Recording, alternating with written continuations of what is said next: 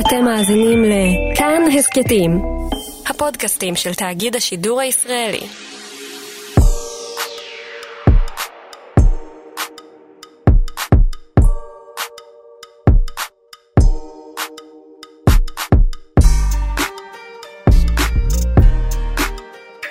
היי, אני רן בנימיני, ואתם מאזינים לאפקט קורונה. כאן נעשה לכם סדר בכל מה שקשור לווירוס, למגפה, למשבר ולהשפעות של כל זה על החיים שלכם. והיום, כל מה שצריך לדעת על חיסון לקורונה.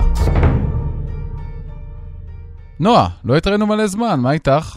סבבה, אתה יודע, כמו הרבה ארגונים, גם אנחנו התפצלנו לכוחות שעובדים מהבית, אז ככה שכל מה שאני רואה עכשיו זה בעיקר מסך, מקרר, מסך, הליכה לעבר המקרר.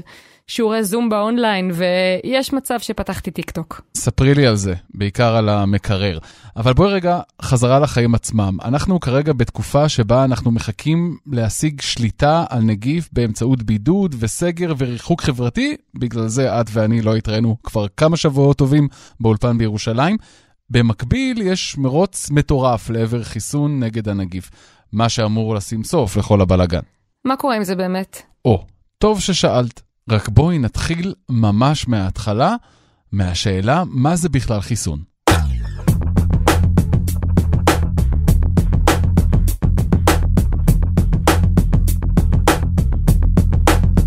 כשמדברים על חיסון, מדברים על החדרת חומר לגוף, שהמטרה שלו היא לעזור למערכת החיסונית הטבעית שלנו להתמודד עם כל מיני וירוסים וחיידקים נודניקים שגורמים למחלות. לגרום לגוף שלנו לפתח מולם חסינות. רגע, רגע, תעצור. יש הבדל בין חיידק לווירוס? חיידק זה יצור חד-תאי שגדל ומשתכפל במהירות בעצמו, לעומת זאת, וירוס או נגיף בעברית לא חי עצמאית, הוא חי ומתרבה רק בזכות ההתעלקות שלו על התאים האנושיים, כל נגיף והשריטה שלו, חלקם אוהבים במיוחד להתיישב ולפגוע במערכת הנשימה. אוקיי, כמו הקורונה. בגלל זה מדברים כל הזמן על מכונות הנשמה אצל חולים במצב קשה. בדיוק.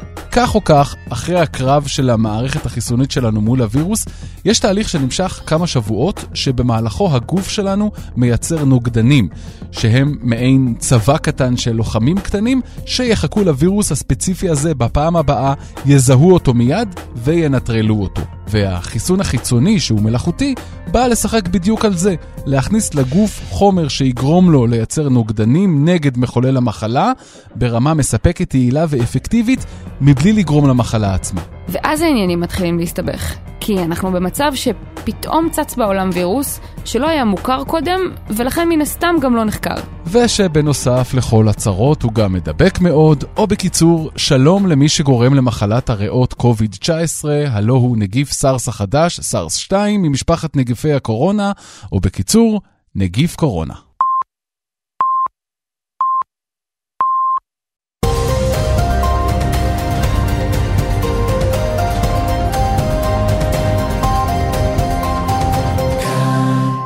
רשת ב', כל ישראל מירושלים, שבת שלום.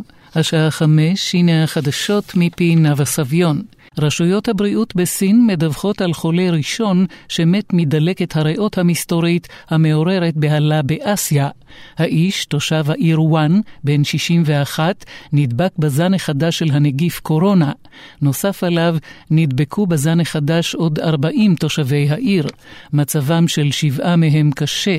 זן אחר של הנגיף קורונה גרם למגפת הסארס בתחילת שנות האלפיים, שבה מתו יותר מ-770 חולים.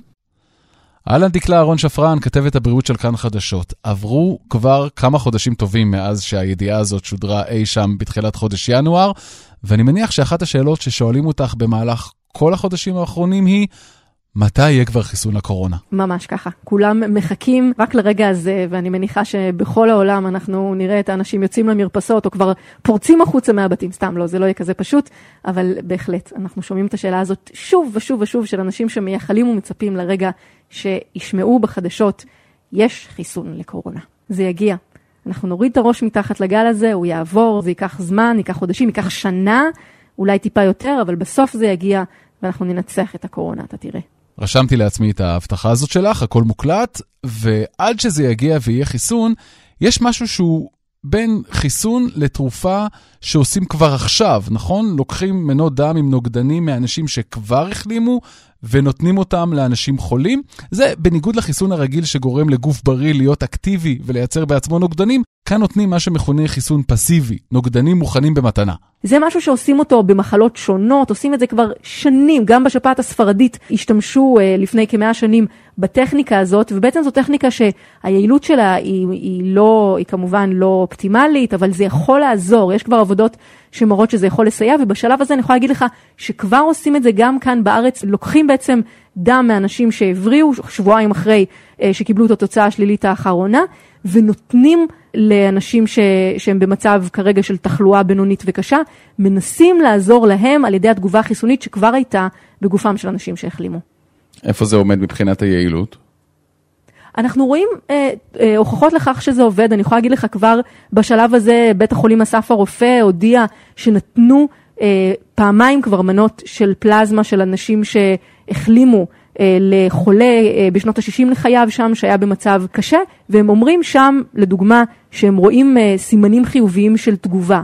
כלומר, אני יכולה להגיד לך גם, הנה, יש לנו דוגמה כאן מהארץ, יש גם דוגמאות מהעולם לכך שזה יכול לעזור. הבדיקה לברור השאלה מי כבר עבר את הקורונה ופיתח נוגדנים נקראת בדיקה סרולוגית. היא מוצאת את כמות וסוג הנוגדנים בדם. בדם שלנו יש נוגדנים שהוכנו לנגיף שהדביק אותנו לפני שבועיים. זו פרופסור מיכלי ניאל מהמכון למדעי החיים באוניברסיטה העברית, שחוקרת את משפחת נגיפי הקורונה ומחפשת חיסון לנגיף החדש. דרך אחת מאוד פשוטה זה להגיד בוא ניקח את הנוגדנים האלה, והם בעצמם מעין חיסון פסיבי כזה. למה פסיבי? כי אין פה זיכרון.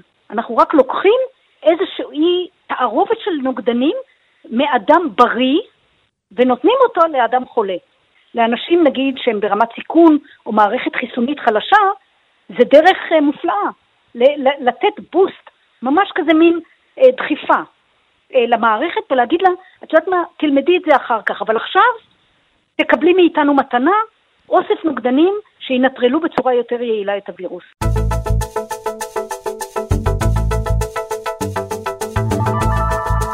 אגב, לפני שנמשיך, כולם כאן סגורים על איך נראה וירוס הקורונה במיקרוסקופ, כן? לא צריך להיות מדען בכיר בשום מקום בשביל לדעת, כי כלי התקשורת והרשתות החברתיות כבר חינכו אותנו שהוא נראה כמו כדור קטן, שעליו יש הרבה יתדות או קוצים קטנים כאלה, ובגלל שלאנשים זה הזכיר צורה של כתר, קראו לזה קורונה. את כל זה אנחנו כבר מכירים. אבל לשם מה נועדו הקוצים האלה? הם החלבונים שמאפשרים לו לחדור אל התא האנושי. אם נגיד שהתא האנושי הוא מנעול, אז הבליטות האלה שעל הווירוס הן המפתח שפותח אותו. הווירוס נצמד כך ונקשר חזק אל הקולטנים של התא האנושי, זה קורה בו זמנית בנקודות רבות על גבי התא, הוא חודר פנימה ומשחרר את החומר הגנטי שלו אל תוך התא. אחרי שהוא ישתלט על התא האנושי, השלב הבא של הווירוס זה לשכפל את עצמו ולפגוע גם בתאים השכנים. אז כל מה שצריך זה לגרום לגוף לייצר נוגדנים, כך שאם ייכנס נגיף לגוף האדם, הוא יותקף עוד לפני שיספיק לחדור לתאים. בדיוק אלה הקוצים האלה, שאנחנו באמת קוראים להם ספייק, הם אלה שנדבקים לפני השטח של הריאות שלנו. הריאות והגרון והאף וכולי. זאת אומרת, שאם היינו, תחשוב, זה נורא פשוט האמת, אם היינו מצליחים להכניס מקל בין הגלגלים, זאת אומרת, כשהווירוס הזה רוצה לבוא, כבר מחכה לו מקל ו- ועושה מין מיסוך. תחשוב שאתה שם כובע. לא מאפשר לנגיף להידבק לתוך, uh, על פני התא האנושי. בדיוק. אז הצלחנו, נכון? עכשיו הנגיף כן. יבוא, אין לו דרך אחרת. זה נחשב חיסון, למה? כי אנחנו בעצם מנענו מהיכולת שלו להיכנס. הדרך האחרת זה להגיד, בואו ננסה לעשות משהו אחר, וזה גם אה, רעיון מצוין. בואו ננסה לסדר את הווירוס. איך נעשה את זה? Mm-hmm. לפזר לו בסביבה הרבה חלבונים שנראים כמו המנעול שלנו, אבל הכנו אותם במעבדה. אתה מבין? בכלל הם לא אמיתיים. ואז הווירוס לאן הוא יידבק? הוא יידבק למקום הלא רלוונטי, וינוטרל. כל זה יכול להיות פשוט יחסית, אבל התברר כבר שנגיף קורונה הוא, איך לומר, לא טיפוס שרוצה לעשות לנו חיים קלים. למשל, רק בתור דוגמה, את החלבון שלו הוא עוטף בסוכרים, כדי שלא נדע בדיוק איך הוא נראה. אתה מבין? הוא קצת uh, מתחפש. זה אומר, אוקיי, התחפשת, אנחנו חושבים שאתה משהו אחד, אתה לא. זאת אומרת, יש פה אתגרים באמת אה, טכנולוגיים. כשנתגבר, וסליחה שאני משתמש ב"אנחנו", כשאתם המדענים תתגברו על המכשולים שהנגיף הזה מציב לכם, אפשר באותו רגע להכריז על חיסון ולתת לעולם לנשום לרווחה? מאוד ייתכן שעוד שלושה ארבעה חודשים יהיה כבר חיסון באיזשהו מערך מחקרי, אולי אפילו שלושה חודשים. תן לי ממש להיות אופטימית. אלא מה? חיסון, מה שאנשים לא חושבים על זה, נותנים לאנשים בריאים, לא לאנשים חולים, לאנשים בריאים. אז, ו, ובכמויות עצומות, למיליון איש. אז גם אם החיסון הוא 1% רעיל, תחשוב מה זה עושה למיליון אנשים. זה עשרת אלפים אנשים. אז אנחנו לא יכולים להרשות לעצמנו לעשות קיצורי דרך בבניית חיסון. דקלה, פרופסור ליניאל אומרת שאסור לעשות קיצורי דרך. אז מה בדיוק השלבים שבדרך? כלומר, מה יקרה מהרגע שבו היא ועמיתיה יזהו סופית את המנגנון שבו הנגיף פועל?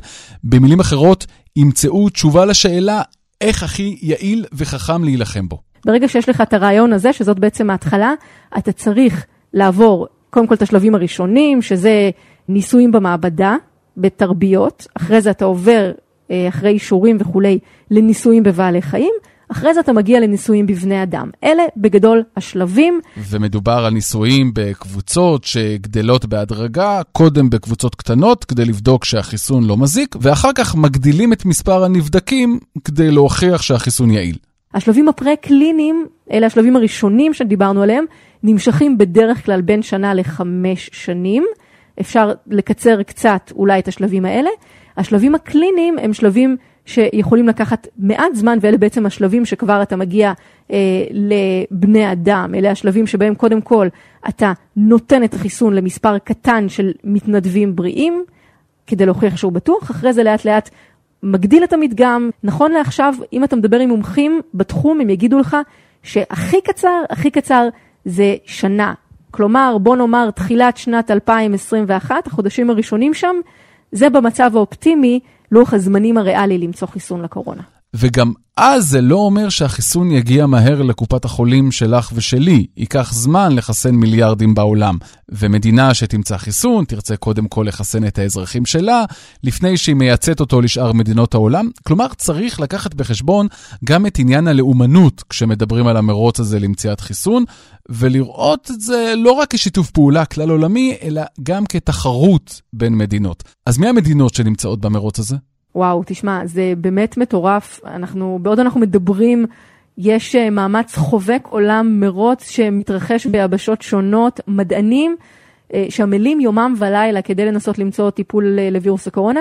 יש המון חיסונים בפיתוח בשלבים שונים. לפי כתב העת המדעי הנחשב Nature, נכון לשמונה באפריל, היו תחילה 115 מועמדים לחיסון, כרגע מדובר על 78 פרויקטים פעילים של אה, מעבדות שמנסות למצוא חיסון. אני יכולה לספר לך בין השאר על חוקרים באיטליה אה, שמבדיקים, שמבטיחים בדיקות חיסון עד סוף אה, שנת 2020. היה שליח של ה-BBC שהגיע לשם לאיטליה, למעבדה מחוץ לרומא, וראה שם איך מזריקים את החומרים כבר לבני אדם, הם אה, אומרים שהם אה, יוכלו ממש להגיע לתוצאות עד סוף השנה. יש מדענים באוסטרליה שהתחילו בשלבים ראשונים למצוא חיסון, אם, הם, אם התוצאות שם יהיו טובות. הם ימשיכו שם מחקר וחיסון. אגב, שם אחד החוקרים האוסטרליים אומר, בדרך כלל לוקח לנו שנה, עוד שנתיים, להג... עד שנתיים להגיע לנקודה שבה אנחנו נמצאים. אנחנו עשינו את זה בתקופה של כמה חודשים, בזכות הקיצור אה, באישורים, בזכות ההכרה שבכל זאת זה לא זמן רגיל. יש עוד חיסונים שעוסקים בפיתוח שלהם כרגע, אה, בין השאר באוקספורד, אה, מנסים להשתמש בווירוס שהוא במרכאות פגום. כדי לגרום לכך שמערכת החיסון שלנו תוכל להכיר את החלבונים של וירוס הקורונה ולפתח תגובה נגדו. איפה ישראל נמצאת כאן? ישראל נמצאת אה, ב, במקום שהוא, אנחנו חושבים די טוב יחסית להתחלה, אבל זאת ממש התחלה. יש אה, דיווחים על אה, הצלחה במכון הביולוגי בשלבים הראשונים של פיתוח חיסון, של פיתוח אה, איזשהו אה, חומר שהגוף יכול להכיר ולפתח נגדו תגובה חיסונית, אבל איך אמר לי אה, אה, גורם מאוד בכיר בבריאות הציבור אה, בארץ, זה עוד ייקח הרבה מאוד זמן. עכשיו רגע, אם אמרנו שמי שנדבק בקורונה הוא כבר מחוסן טבעי, כלומר פיתח נוגדנים לקורונה, ובסבירות גבוהה לא יכול להידבק שוב, למה שלא נחסוך את הצורך בחיסון מלאכותי, ופשוט ניתן לווירוס להתפשט בקרב האוכלוסייה, נעשה את מה שמכונה חיסון עדר. נתמקד באוכלוסייה החזקה, כמו שבטבע החיות החזקות בעדר מגינות בגופן על החיות החלשות, ככה בני אדם שחלו והחלימו לא יוכלו למעשה להדביק את האוכלוסייה החלשה שלידם, והמחלה תידח, לא? הבעיה היא שכדי שתגיע למצב של חסינות עדר, אתה צריך להדביק הרבה מאוד אנשים. וזה אומר שהרבה מאוד אנשים יסתבכו עם המחלה והרבה מאוד אנשים ימותו. לכן, אה, גם שם, בבריטניה, שמלכתחילה חשבו ללכת עם האסטרטגיה הזאת, אה, לקחו כמה צעדים אחורה והבינו שזה לא באמת אפשרי. כלומר, אה, ממשיכים לנקוט בצעדים של הריחוק, של הבידוד החברתי וכולי, סגר כזה או אחר, מגבלות כאלה ואחרות, אבל הרעיון שמלכתחילה לאפשר למחלה להשתולל ולהגיע לחסינות עדר, הוא רעיון שהוא לא, אה, לא טוב, מכיוון שאתה תגרום להרבה חללים ליפול בדרך. כוכבית קטנה למטה, כמובן שעם זאת, אה, מקווים בכל אה, המדינות שלהם הגיעה הקורונה, בכל העולם, אה, להגיע למצב שבו אוכלוסייה באמת תצליח להגיע למצב של חסינות עדר, להגיע למצב שבו כמה שיותר אה, אנשים יידבקו ללא תסמינים, כמובן שיעברו את המחלה בצורה פשוטה, ואז היא תוכל לדעוך, ואז בעצם יהיה לנגיף הרבה הרבה יותר קשה לקפוץ מאדם לאדם ולהמשיך לסבך, לסבך אותנו. זה לוקח זמן, זה לא דבר שהוא כל כך פשוט, אבל באיזשהו שלב זה אמור לקרות. עד שזה יקרה, נחזור למעבדה של פרופסור מיכל ליניאל. דיברנו הרבה על חיסון שמטרתו להתכונן לנגיף קורונה מראש, וזה ייקח זמן. מה עם פיתוח תרופה ממוקדת שתעזור למי שכבר חולה? הרעיון היום שאנשים עושים, ואני חושבת שהוא רעיון אה, פנטסטי, זה לקחת את הווירוס הזה וללמוד האם במקרה, מתוך מאות התרופות הקיימות, שכבר אנחנו יודעים שהן מותרות לשימוש, הם כבר עברו את כל המבחנים. האם יש תרופה שהייתה יכולה לעבוד? וזה כיוון מאוד מבטיח. זאת אומרת, במקום להמציא אותה תרופה, פשוט לקחת את העשרת אלפים תרופות הקיימות, ובשיטות חישוביות ושיטות מתוחכמות, לשאול האם יש לנו באיזשהו אופן התאמה. יש משהו קרוב ל-60 תרופות כאלה, שמסתכלים עליהן עכשיו בזכוכית מגדלת. עכשיו, ייתכן שחלק מהתרופות האלה יצטרכו לעבור איזשהו שינוי כימי קטן, או איזושהי מודיפיקט, איזשהו כאילו התאמה. אבל אנחנו לא מתחילים מחוסר ודאות. אתה מבין? יש לנו כבר עם מה להתחיל. וכשנמצא חיסון ונמצא תרופה, הקורונה תיעלם מהחיים שלנו? אנחנו נחיה איתה, אנחנו נתרגל אליה, היא תתרגל אלינו, וכמו כל אויב, חבר, שכן, צריכים ללמוד את הנקודות החולשה שלו, נקודות החוזק שלו, והיא תהיה איתנו להרבה שנים, אבל אני בטוחה, בטוחה, שהיא תהיה איתנו בשיווי משקל מאוד, אה, מאוד סביר. כמו שהיום השפעות הן בשיווי משקל סביר. שפעת היא מחלה קשה, אבל היא לא מחלה שאנחנו לא יודעים להתמודד איתה. אז אני מניחה שמשהו מאוד דומה יהיה עם, אה, עם ה-COVID-19. הוודאות שהוא לא ייעלם היא כי פשוט הוא יתפשט לכל מקום על הגלובוס. העובדה שהווירוס הזה יתפשט בצורה כל כך יעילה, משאירה אותו בתמונה פשוט. ואני בטוחה שיהיו חיסונים מצוינים, ואני בטוחה שהגוף שלנו יתמודד עם זה, וזה יהיה עוד נגיף חורף, ונוכל לספר לנכדים ולילדים שאנחנו היינו כשהאבולוציה התחילה עם קוביד-19. אני רוצה להתעכב רגע על המשפט האחרון שאמרת. וירוס התפשט בצורה מאוד יעילה, וזה מה שמשאיר אותו בתמונה. את למעשה מתכוונת שבניגוד לחברים המפוקפקים האחרים במשפחה שלו, הסארס הראשון והמרס, הוא משאיר בחיים את רוב האנשים שהוא מגיע אליהם, כדי שהם יעבירו אותו מאחד לשני, וככה הוא יישאר בתמונה? המרס, שהתחיל מהגמלים, הוא הורג 36% מהאנשים. לכאורה היית צריך להגיד לי, וואו, זה נגיף נוראי, אבל אני חושבת שזה נגיף מאוד לא מוצלח מהבחינה הזו, כי הוא הורג יותר מדי טוב. מהעיניים של הנגיף, להרוג הרבה זה לא משהו. מבחינת הנגיף, להדביק הרבה, אבל אחוז תמותה נמוך, זה אידיאלי. כי הוא ממשיך להתפשט ויש לו אין סוף אה, הזדמנויות להשתנות וכולי. מה הנגיף, פה... אבל מה הוא רוצה? מה הוא רוצה בסוף? אם, אם, אם נעשה לו רגע האנשה, כן, מה הוא רוצה? לחיות, לחיות, כמו כולנו. לחיות, כמו כל יצור. הוא, הוא רוצה, לחיות, לחיות והוא יודע שכאשר כן. הוא ידביק הרבה, אבל באחוז תמותה נמוך, ככה הוא יחיה. נכון. ואם הוא יהרוג יותר מדי, לא יהיה לו טוב. הוא ייעלם, כמו המרס. ואיך הוא שומר על עצמו כדי שאת ומדענים אחרים לא תמגרו אותו? אה, הוא מה הוא עושה? מה. הטכניקות שלו? למה, זהו, למה אני מה- אוהבת מה לעבוד ההתחכמות על- שלו? מה למה אני? אוהבת לעבוד על וירוסים? כי זה כמו מלחמה אלקטרונית. הוא מנסה לסדר אותנו, אנחנו מסדרים אותו. הוא, יש בזה איזה מין אה, ריקוד כזה, טנגו. איך הקורונה, המדענים- איך הקוביד-19 מנסה לסדר אותך? אה, למשל, למשל, הוא כבר לימד אותי שכל מה שידעתי עליו קודם, על הסארס, אה, לא עוזר, לא שווה. זאת אומרת, הוא לקח הרבה מאוד מחקר ושם אותו בצד ואמר, אוקיי, חשבת שאני דומה לקורונה, לסארס, אני לא, אני משהו אחר. כלומר, צריך להתחיל מחדש את ה... למשל פיתוח נוגדנים וכולי. אז אה, בפירוש הוא מסדר אותי, ובסדר, נחזיר לו מלחמה שערה, אתה יודע, זה... העולם, העולם מגויס למצוא פתרונות, ואני מאמינה שהם יג- יגיעו והם יבואו, אה, רק צריך להיות פה נורא נורא סבלנים, פשוט צריך להרוויח זמן, ואז אה, להכות אותו בראשו. רן, תמלק לנו? אני מוכן, תכניסי את המוזיקה.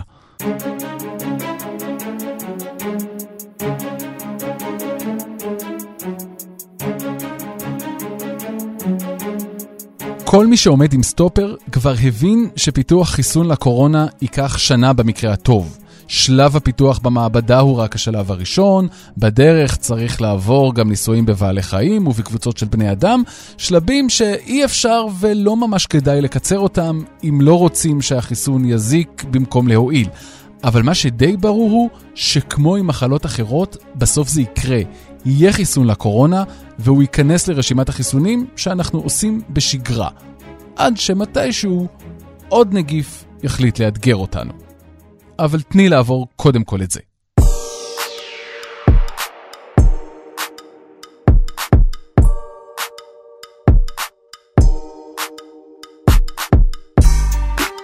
האזנתם לפרק בהסכת אפקט קורונה מבית כאן חדשות. את הפודקאסט הזה ערכה נועה אקסינר, זאת אני. הביצוע הטכני של דני רוקי וגלית רום, תודה לבת שבע רקלר על התחקיר, מנהל כאן חדשות בדיגיטל הוא תומר ברנד. אם אהבתם את הפרק, או אם יש לכם הערות על מה שאמרנו, אתם מוזמנים לכתוב בקבוצת הפודקאסטים החדשה שלנו, כאן הסכתים. תוכלו לכתוב גם בדף הפייסבוק של כאן חדשות, או בחשבון שלי, רן בנימיני בפייסבוק או בטוויטר. הסכתים נוספים מבית כאן תוכלו למצוא באפליקציית הפודקאסטים האהובה עליכם, באתר שלנו וגם בספוטיפיי. אני רן בנימיני, תשטפו ידיים ותשתעלו למרפק. עד הפעם הבאה, ביי.